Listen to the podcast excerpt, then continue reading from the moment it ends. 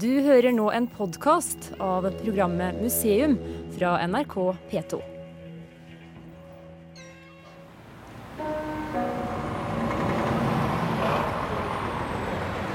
Fergeleiet i Rødby havn, helt syd på Lolland, er et travelt sted.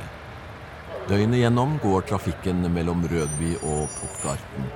Trailere, personbiler og tog fraktes over Femern Belt. Dette er en av de viktigste forbindelsene mellom Skandinavia og kontinentet. Og slik vil det være ennå noen år. Men nå forbereder Danmark og Tyskland byggingen av en 18 km lang senketunnel. Den skal ha firefelts vei og to jernbanespor. I museum i dag skal vi høre at dette sundet har vært en ferdselsåre i flere tusen år.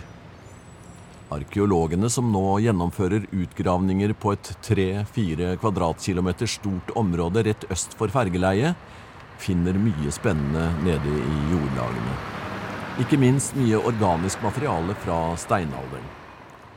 Utgravningene ledes av den norskfødte arkeologen Bjørnar Måge. Han er fra Øystese i Hardanger og synes det er deilig å være arkeolog i Danmark. Det er jo deilig å grave i Danmark, fordi det er mye enklere enn i Norge. For i Norge det er jo nesten bare stein over det hele. Det. Så det er helt klart en av grunnene til at man tar til Danmark og graver. Ja, det var synd det var tåke, da, men jeg så at det skulle bli det. Måge er inspektør ved Lolland Falster museum og prosjektleder for utgravningene som pågår. For eh, byggherren Femern AS vil dokumentasjonen av kulturminnene utgjøre en kostnad på nærmere 250 millioner norske kroner.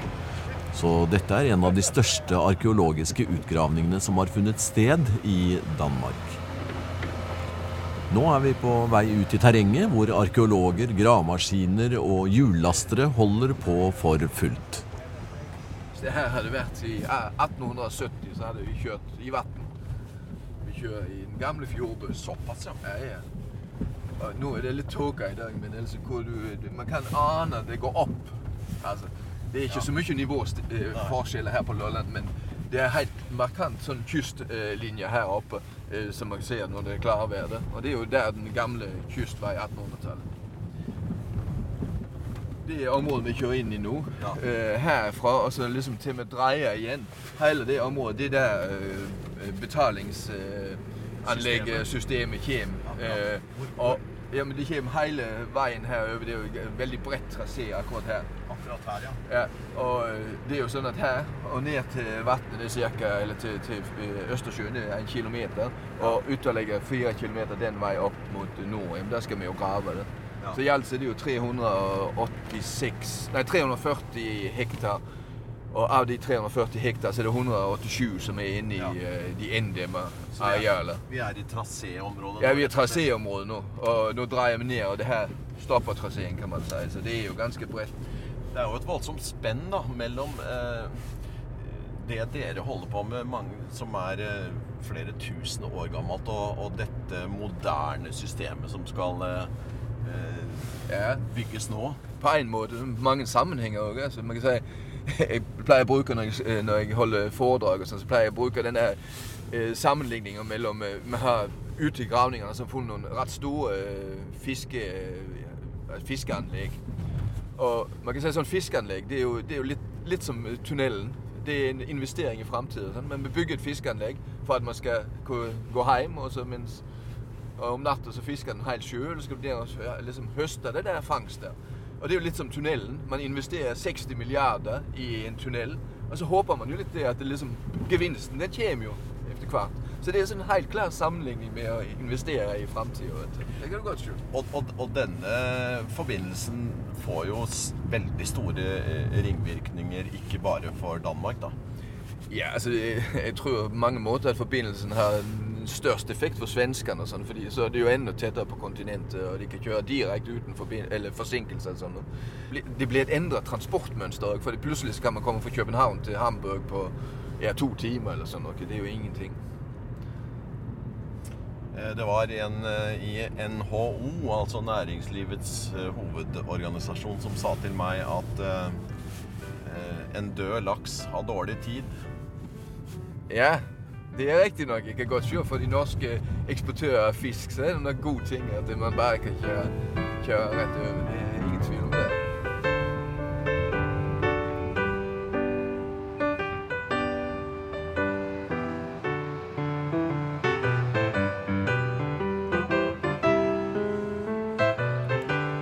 Vi er eh, kommet fram eh, til en stor sjakt hvor anleggsmaskiner og arkeologer holder på.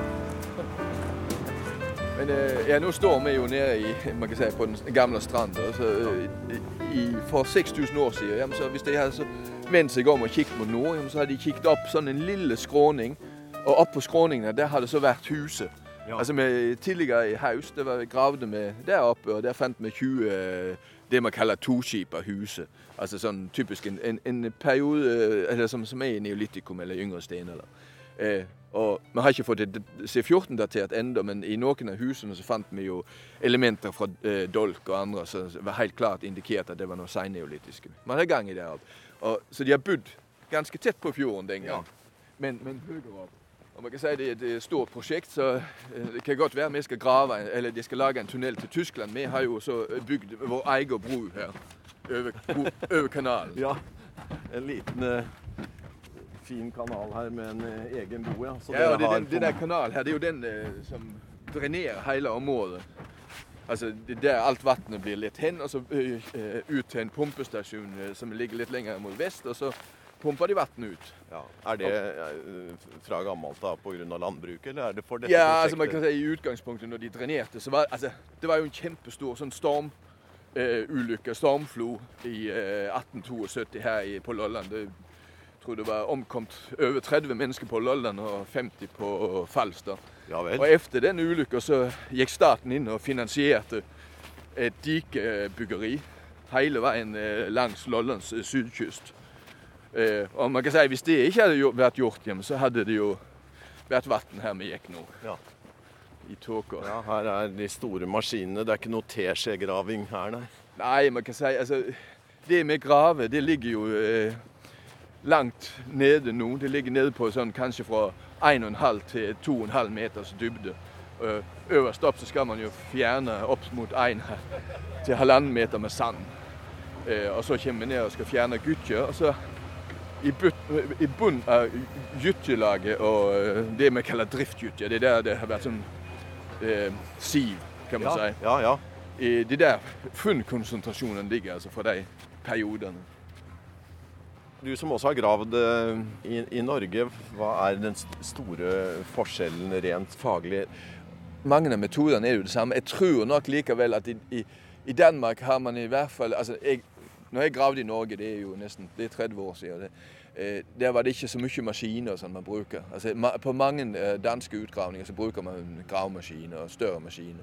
Og på den måten så avrømmer man også større areal. Men det er også enklere, kan man si, fordi hvis du skal rømme et stort, altså grave et stort areal i Norge, så er det mye stein, og så skal, det skal jo renses opp for hånd. Her i Danmark så er det ikke så mye stein, så det er mye enklere å bare gjøre hele jobben med gravemaskiner, kan man si. Så det, det er sånn ren metodisk forskjell der. Praktisk. Nå er det masse mm, pinner som markerer eh, funn eh, bort gjennom. Hva finner dere da? Det her er jo en, en gammel eh, sånn strandsone, og i en strandsone så ligger det jo mange ting. Det ligger, det ligger selvfølgelig ting som bare naturlig har flyttet inn. Altså liksom Hvis du går på stranda, så ligger det alt mulig. Eh, Men utover det så har det jo også vært et område hvor eh, folkene der for 6000 år siden cirka, har gått ut og ofret ting og deponert ting. Og det har også vært et område hvor de har fiska. Så det kan være beinspisser lysterpinner fra, for fiskeri. Det kan være eh, nedstukne økseskaft og andre altså, som er deponert sånn eh, bevisst. Ja. Og så kan det være en eh, deponert eh, leirkar, eh, traktbeger og sånn noe. Og også deponerte eh, dyr.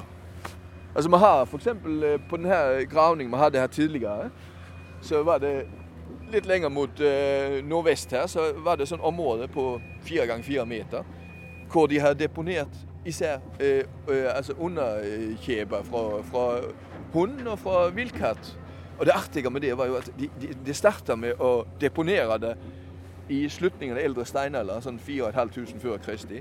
Og deponeringsskikken den fortsatte i 1300 år, helt til langt inn i yngre steinalder. Og det er jo veldig spennende sånn i forhold til kontinuitet sånn med overgang der. Så det er en av de gode tingene. Hele tiden må det pumpes vann ut av gravsjakten. Flere steder befinner en seg litt under havnivå her, og grunnvannstanden er generelt høy. Det gjør denne utgravningen spesiell. Det er arkeologer fra flere nasjoner i dette arbeidet, og på det mest hektiske har det vært et syttitalls arkeologer i sving. Sigorni Nina Navarro er en vi treffer i feltet. Hun er fra Grünerløkka og har vært på prosjektet i noen måneder. Eh, siden midten av oktober ca. cirka. Ja. Eh, så det har jo vært så her hele tiden. Masse leire, det har vært vått. Men det har jo gått ganske bra, da. Vi har funnet mye organisk og mye flint og Så det har jo vært veldig spennende å være her ute. Ja. Eh, hvor lenge har du vært arkeolog? Eh, jeg har vært arkeolog siden juni 2017, så ikke så lenge. Nei. Nei, ganske ny. Og avhengig av prosjekter hele tiden. Ja, det er jeg som måtte flytte litt rundt på meg hele tiden. Så jeg har jo jobbet litt kort i Oslo. Eh, og så har jeg vært eh, hos Upplandsmuseet i Enköping i Sverige. Ja. Og så er det nå her i, i Danmark, da. Så jeg flytter på meg ganske mye, men det blir vel sånn i børjen. Ja, Du flytter litt på språket òg, da? eller? Ja, ja, jeg bodde i Sverige i fem år, så mitt språk har blitt ganske påvirket av eh, det svenske språket, kan jeg si. Ja. Det må være spennende å være med på noe så stort, da. Ja, det er det faktisk. Det, det her blir jo utrolig bra å ha på CV-en også når man er ferdig her. Så jeg syns det har vært kjempebra. Veldig spennende. Veldig bra steinalderarkeologi også. Ja. Er det det er så som er ditt eh, bevart. område, eller har du ikke spissa noe enda? Sånn Mm, eller ikke helt, men jeg har jobbet mest med middelalder. Og det er det jeg syns er veldig spennende, da. Det er, det, det er vel det jeg har fastnet mest, men det er jo spennende å prøve noe nytt også. Bare prøve litt steinalder og se hvor, om man liker det eller ikke. Men det har jo vært veldig bra. Eh, Det er så velbevart. Allting her er så utrolig velbevart, så det er faktisk veldig bra å få jobbet her såpass lenge. Det kan blåse surt her, da. Ja, hele tiden. Det blåser, eh, kan blåse mye mer enn det her. Liksom, det her er ingenting. Så nå er det ganske deilig ute. det er det.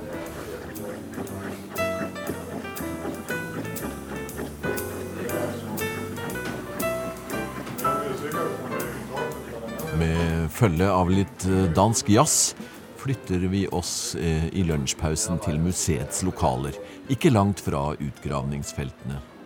Arkeolog og prosjektleder Bjørnar Måge forteller at den menneskelige aktiviteten har historie minst 11 000 år tilbake i dette området. Foreløpig, hva har dere funnet, og fra hvilke tidsaldre er det som råder i dette området? Man kan si at øh, ja, man har jo funnet faktisk Det eldste vi fant, det var jo fra Arnsburg-kultur. Vil si 11.500 år gammelt. Men, men det var bare en enkel episode hvor det kom noen forbi det. Fordi det som skjedde her for ca. 6500-7000 år siden, var at de havnivåstigningene det gjorde at, at øh, det området som vi graver i nå, det ble oversvømt, og så ble det til en fjord.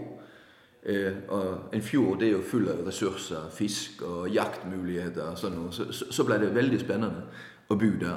Så vi har veldig store aktiviteter fra eh, det vi kaller ertebøllekultur i Danmark. altså sånn Ca. 4500 før Kristi før. Hva kalte du det? Ertebøllekultur. Og det er jo mellom eh, sånn for ca. 6500 år siden til ca. 2500 år siden. Eh, Nei, før Kristi, som, som, som vi har liksom mest aktivitet. Men det er ikke dermed sagt at så stopper det. Det er bare at det er i den periode at er aktivitetene som ligger lengst ute på det vi graver nå, er fra. Fordi vi har laget enkelte prøvegravninger inn i landet.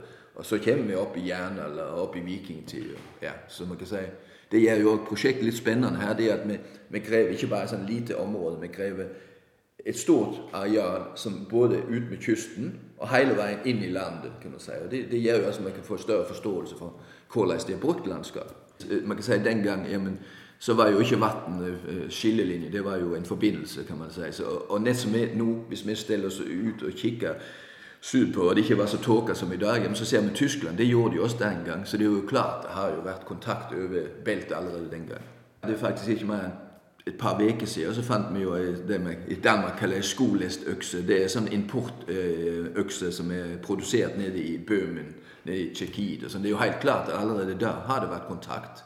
Vi har også øh, funnet keramikk som øh, har klare paralleller til Nord-Tyskland. og sånn, så, så, det har vært en forbindelseslinje.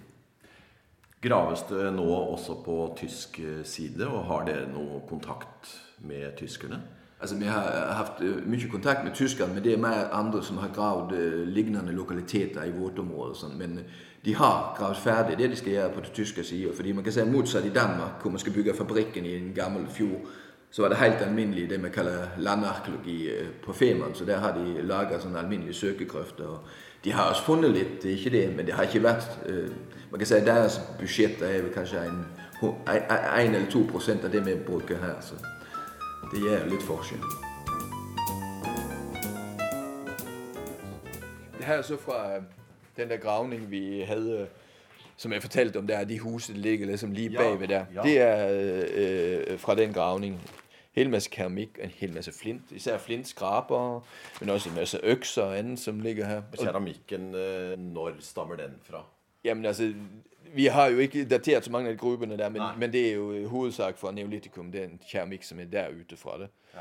Vi har også mye, altså i, i, det vi gravde tidligere, så har vi også mye fra bronsealder. I det vi har gravd. Uh, og vi har uh, altså noe som det her, det er jo sånn keramikk som bare man kan si, søppelkeramikk som er kasta ut i, som avfall i de de, veldig, de brukte veldig mye leire den gang, fordi man skulle ha leire til jordgulv og til å kline husene med. og sånn. Så, så, man har gravd mange hull fordi man skulle ha leire. Og de hullene har man så fylt opp med søppel. Det var uh, veldig enkelt. De hadde ikke sånn sentral søppelfylling den gang. Og her kan du se, det er mye flint. Altså I hele tatt så er det jo mye flint i Danmark. det er jo klart. Her er tilgangen jo uendelig.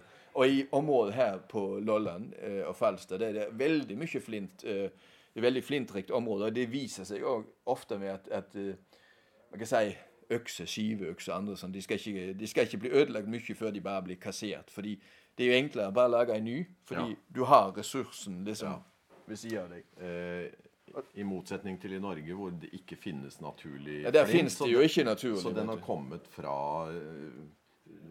herfra, f.eks.? Eller Danmark? Ja, altså helt sikkert det har vært eksport fra Danmark. Øh, og har altså, ellers har de jo også brukt strand, strandflint, kan man si. Sånn. men problemet med strandflint er jo det at den har jo ligget eksponert for frost, og så er den ikke så god.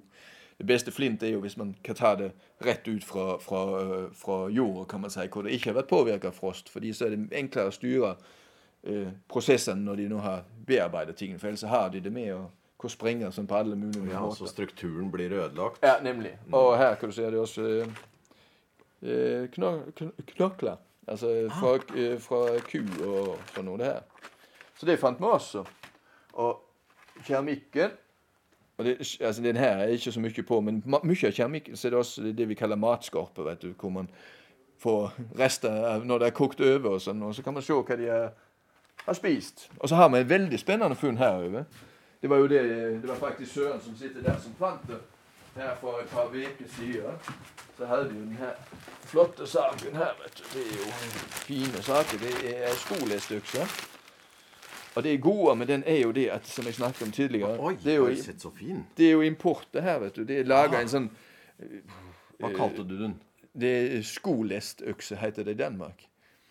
Og det er laga amfobolitt, og det er en sånn ja, det er en litt skiferlignende eh, steinart som eh, man har Den tetteste på, det er nede i Bøhmen. Eh, altså med, på grensa mellom eh, Tyskland og, og Tsjekkia. Ja. Og du kan se det er sånn lagdelt. Og så har de så bora et hull igjennom liksom, eh, vinkelrett på lagdelingen. Og det her er jo helt klart ikke noe det er laga her. Det er importert. Fra brudd nede i, i det området. Og den er en god håndfull stor? Ja, den er sånn god, god håndfull stor. Sånn ca. Si, halv kilo eller noe sånt. Ja, Fra hvilken tid? Ja, men den er jo eh, Produksjonen av det det var foregikk der sånn fra sånn 5500 før Kristi til ja, 4000, 3500-4000 før Kristi. Så den er fra slutningen av jegersteinalderen. Og det er jo veldig interessant, fordi det viser jo at de har hatt direkte kontakt sydpå. Altså, det er jo nok det er jo også en øksetype som man ikke har funnet så mange av i Danmark. Jeg tror sånn ca. 50. Og av de 50 så har man funnet kanskje 10-12 her i området. Og det er jo klart, vi er tett på det tyske området. Og det er nok noe det er kommet sånn fra hånd til hånd. Jeg tror ikke det, at det var sånn de har handla med det. fordi det, det, er liksom ikke mange nok av, kan man si. Nei. Det er veldig fint. Så noen har kommet hit og hatt med seg den? Enten det, eller at man har på veien at de har liksom eh, utveksla det så ja. det er kommet opp. Og man kan jo tenke seg sånn sånn gjenstand som er importert, og sånn at den har hatt en eller annen form for status. men det er i hvert fall tydelig at Den har ikke bare vært statusøks, eller noe sånt, fordi mange av de Den her er jo heil og, og perfekt, kan man si, men mange av de, de er jo ødelagt. Og man kan se at de er ødelagt ved at man har brukt dem. Så det har ikke kun vært sånn at de ser, nå har jeg, jeg har denne øksa fra utlandet, den er spennende. hvor, hvor, ble den funnet? Den ble funnet på Sørens graving der på 939.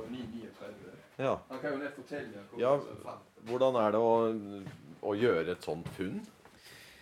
Det er i hvert fall første gang jeg noensinne har funnet sånn en økse. Og, øh, så det var meget spesielt. Hvordan fant du den? Øh, jeg stod og fjernet noe jord med sånn et, en, et roehakkejern. Og øh, jamen, så dukket den frem. Øh, den øh, lå i et område der har vært øh, dekket av vann på det tidspunkt hvor den ble smitt ut. Så, øh, så der for 6000 år siden har de altså smidt den økse ut i, i vannet. I et område hvor de også har satt en masse øh, stager. Banker det litt i et øh, arkeologhjerte da, eller er dere blaserte? uh, nu har jeg vært arkeolog i mange år, men uh, jeg, det var i hvert fall en overraskelse at finne den. Løper man til en kollega da? Se hva jeg har funnet? Eh, det gjorde jeg i hvert fall. Arkeolog Søren Jensen var den glade finner. I Norge er det sjelden funn av organisk materiale fra steinalderen. Men her i Rødby er det funnet mye. Som allerede nevnt, knokler av ku og hest, men også fra mennesker. Og det er funnet mye treverk. Det er jordlagenes konserverende egenskaper som har bidratt til det. Det her treet som vi ser her, det er jo ja, 5000-6000 år gammel. Og så har det så blitt konservert. Her er det altså noen uh, små stokker? Ja, det er uh, staker på dansk. Altså små uh, pinnepeler i forskjellig størrelse.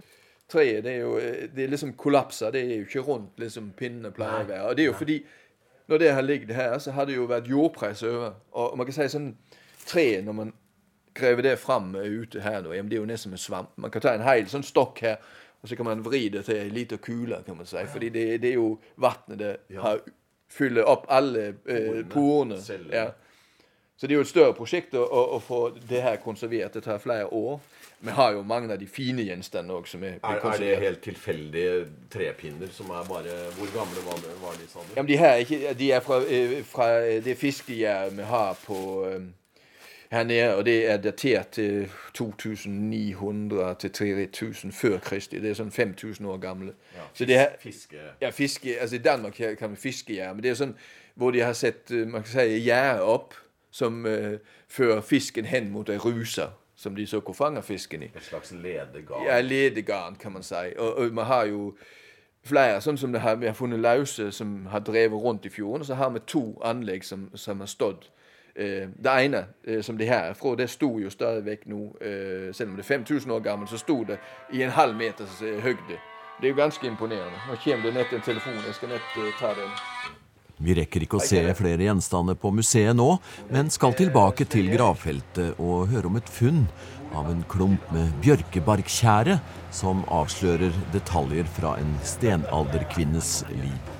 Man utvinner bjørkebark, ja. og, og så for liksom at den skal bli blaut og ja. med, altså arbeid, til å arbeide med, så har man tygget på den. Oh, ja. Så var det en av våre tidligere medarbeidere som ja, han, Etter han har vært her på prosjektet, så skrev han en ph.d. med noen i York. Som arbeider mye med, med genetikk og sånn. Så han fikk den ideen. Men nå har vi den der birkebeigsklump med tannmerke. At det kanskje var bevart DNA i det. Så det ble prosessert, og det var en lang prosess. fordi det var ikke bare litt DNA, det var mye DNA i den der. Og uh, på den måten skal vi jo se at jamen, for sånn ca. 5500 år siden så var det en eller annen ung kvinne som har tygd eh, den der. Og hun hadde rødt hår og blå øyne og var ganske mørkhuda. Vi kan se at eh, hun hadde spist and og ål og hasselnøtter. Man kan si ikke så særlig landbruksmessig kost, men mer sånn jaktprega, selv om det var i, i, i bondesteinalderen. Eh, og så kan vi se at hun hadde herpes. Så sånne ting kan man også se. Sykdom og alt mulig. Og det gjør det jo helt fantastisk. Det er vanlig DNA, og der får du jo DNA av ja, eller kvinner som har, har tygd det, men man får også DNA av alle hennes sykdomsbakterier og alt hun har spist. Med en av de der eh, fiskeanleggene fant vi jo fotspor langs fiskegjerdet som var satt for 5000 år siden. Det hadde vært en storm, og så hadde det kommet sand liksom øve den der gytja der. Så hadde de gått nok for ja, kanskje for å reparere fiskegjær eller noe sånt. Og så hadde de pressa sanden ned i, i, ja, i leirer under, eller gjørme under. Og de spor ser vi nå. Og det er jo veldig spennende, fordi når vi tenker på det Jeg tror ikke det er så likevel så mange spor etter oss om 5000 år. Nei, jeg tror ikke det. Nei. Nå kan vi se hvilke sko vi hadde. Jeg vet ikke hva de hadde på beina den gangen. Altså, Det kan vi ikke se hva de har på beina, men vi kan se hva størrelse de hadde. Og vi kan se det er to personer. Én størrelse 37 og én størrelse 41.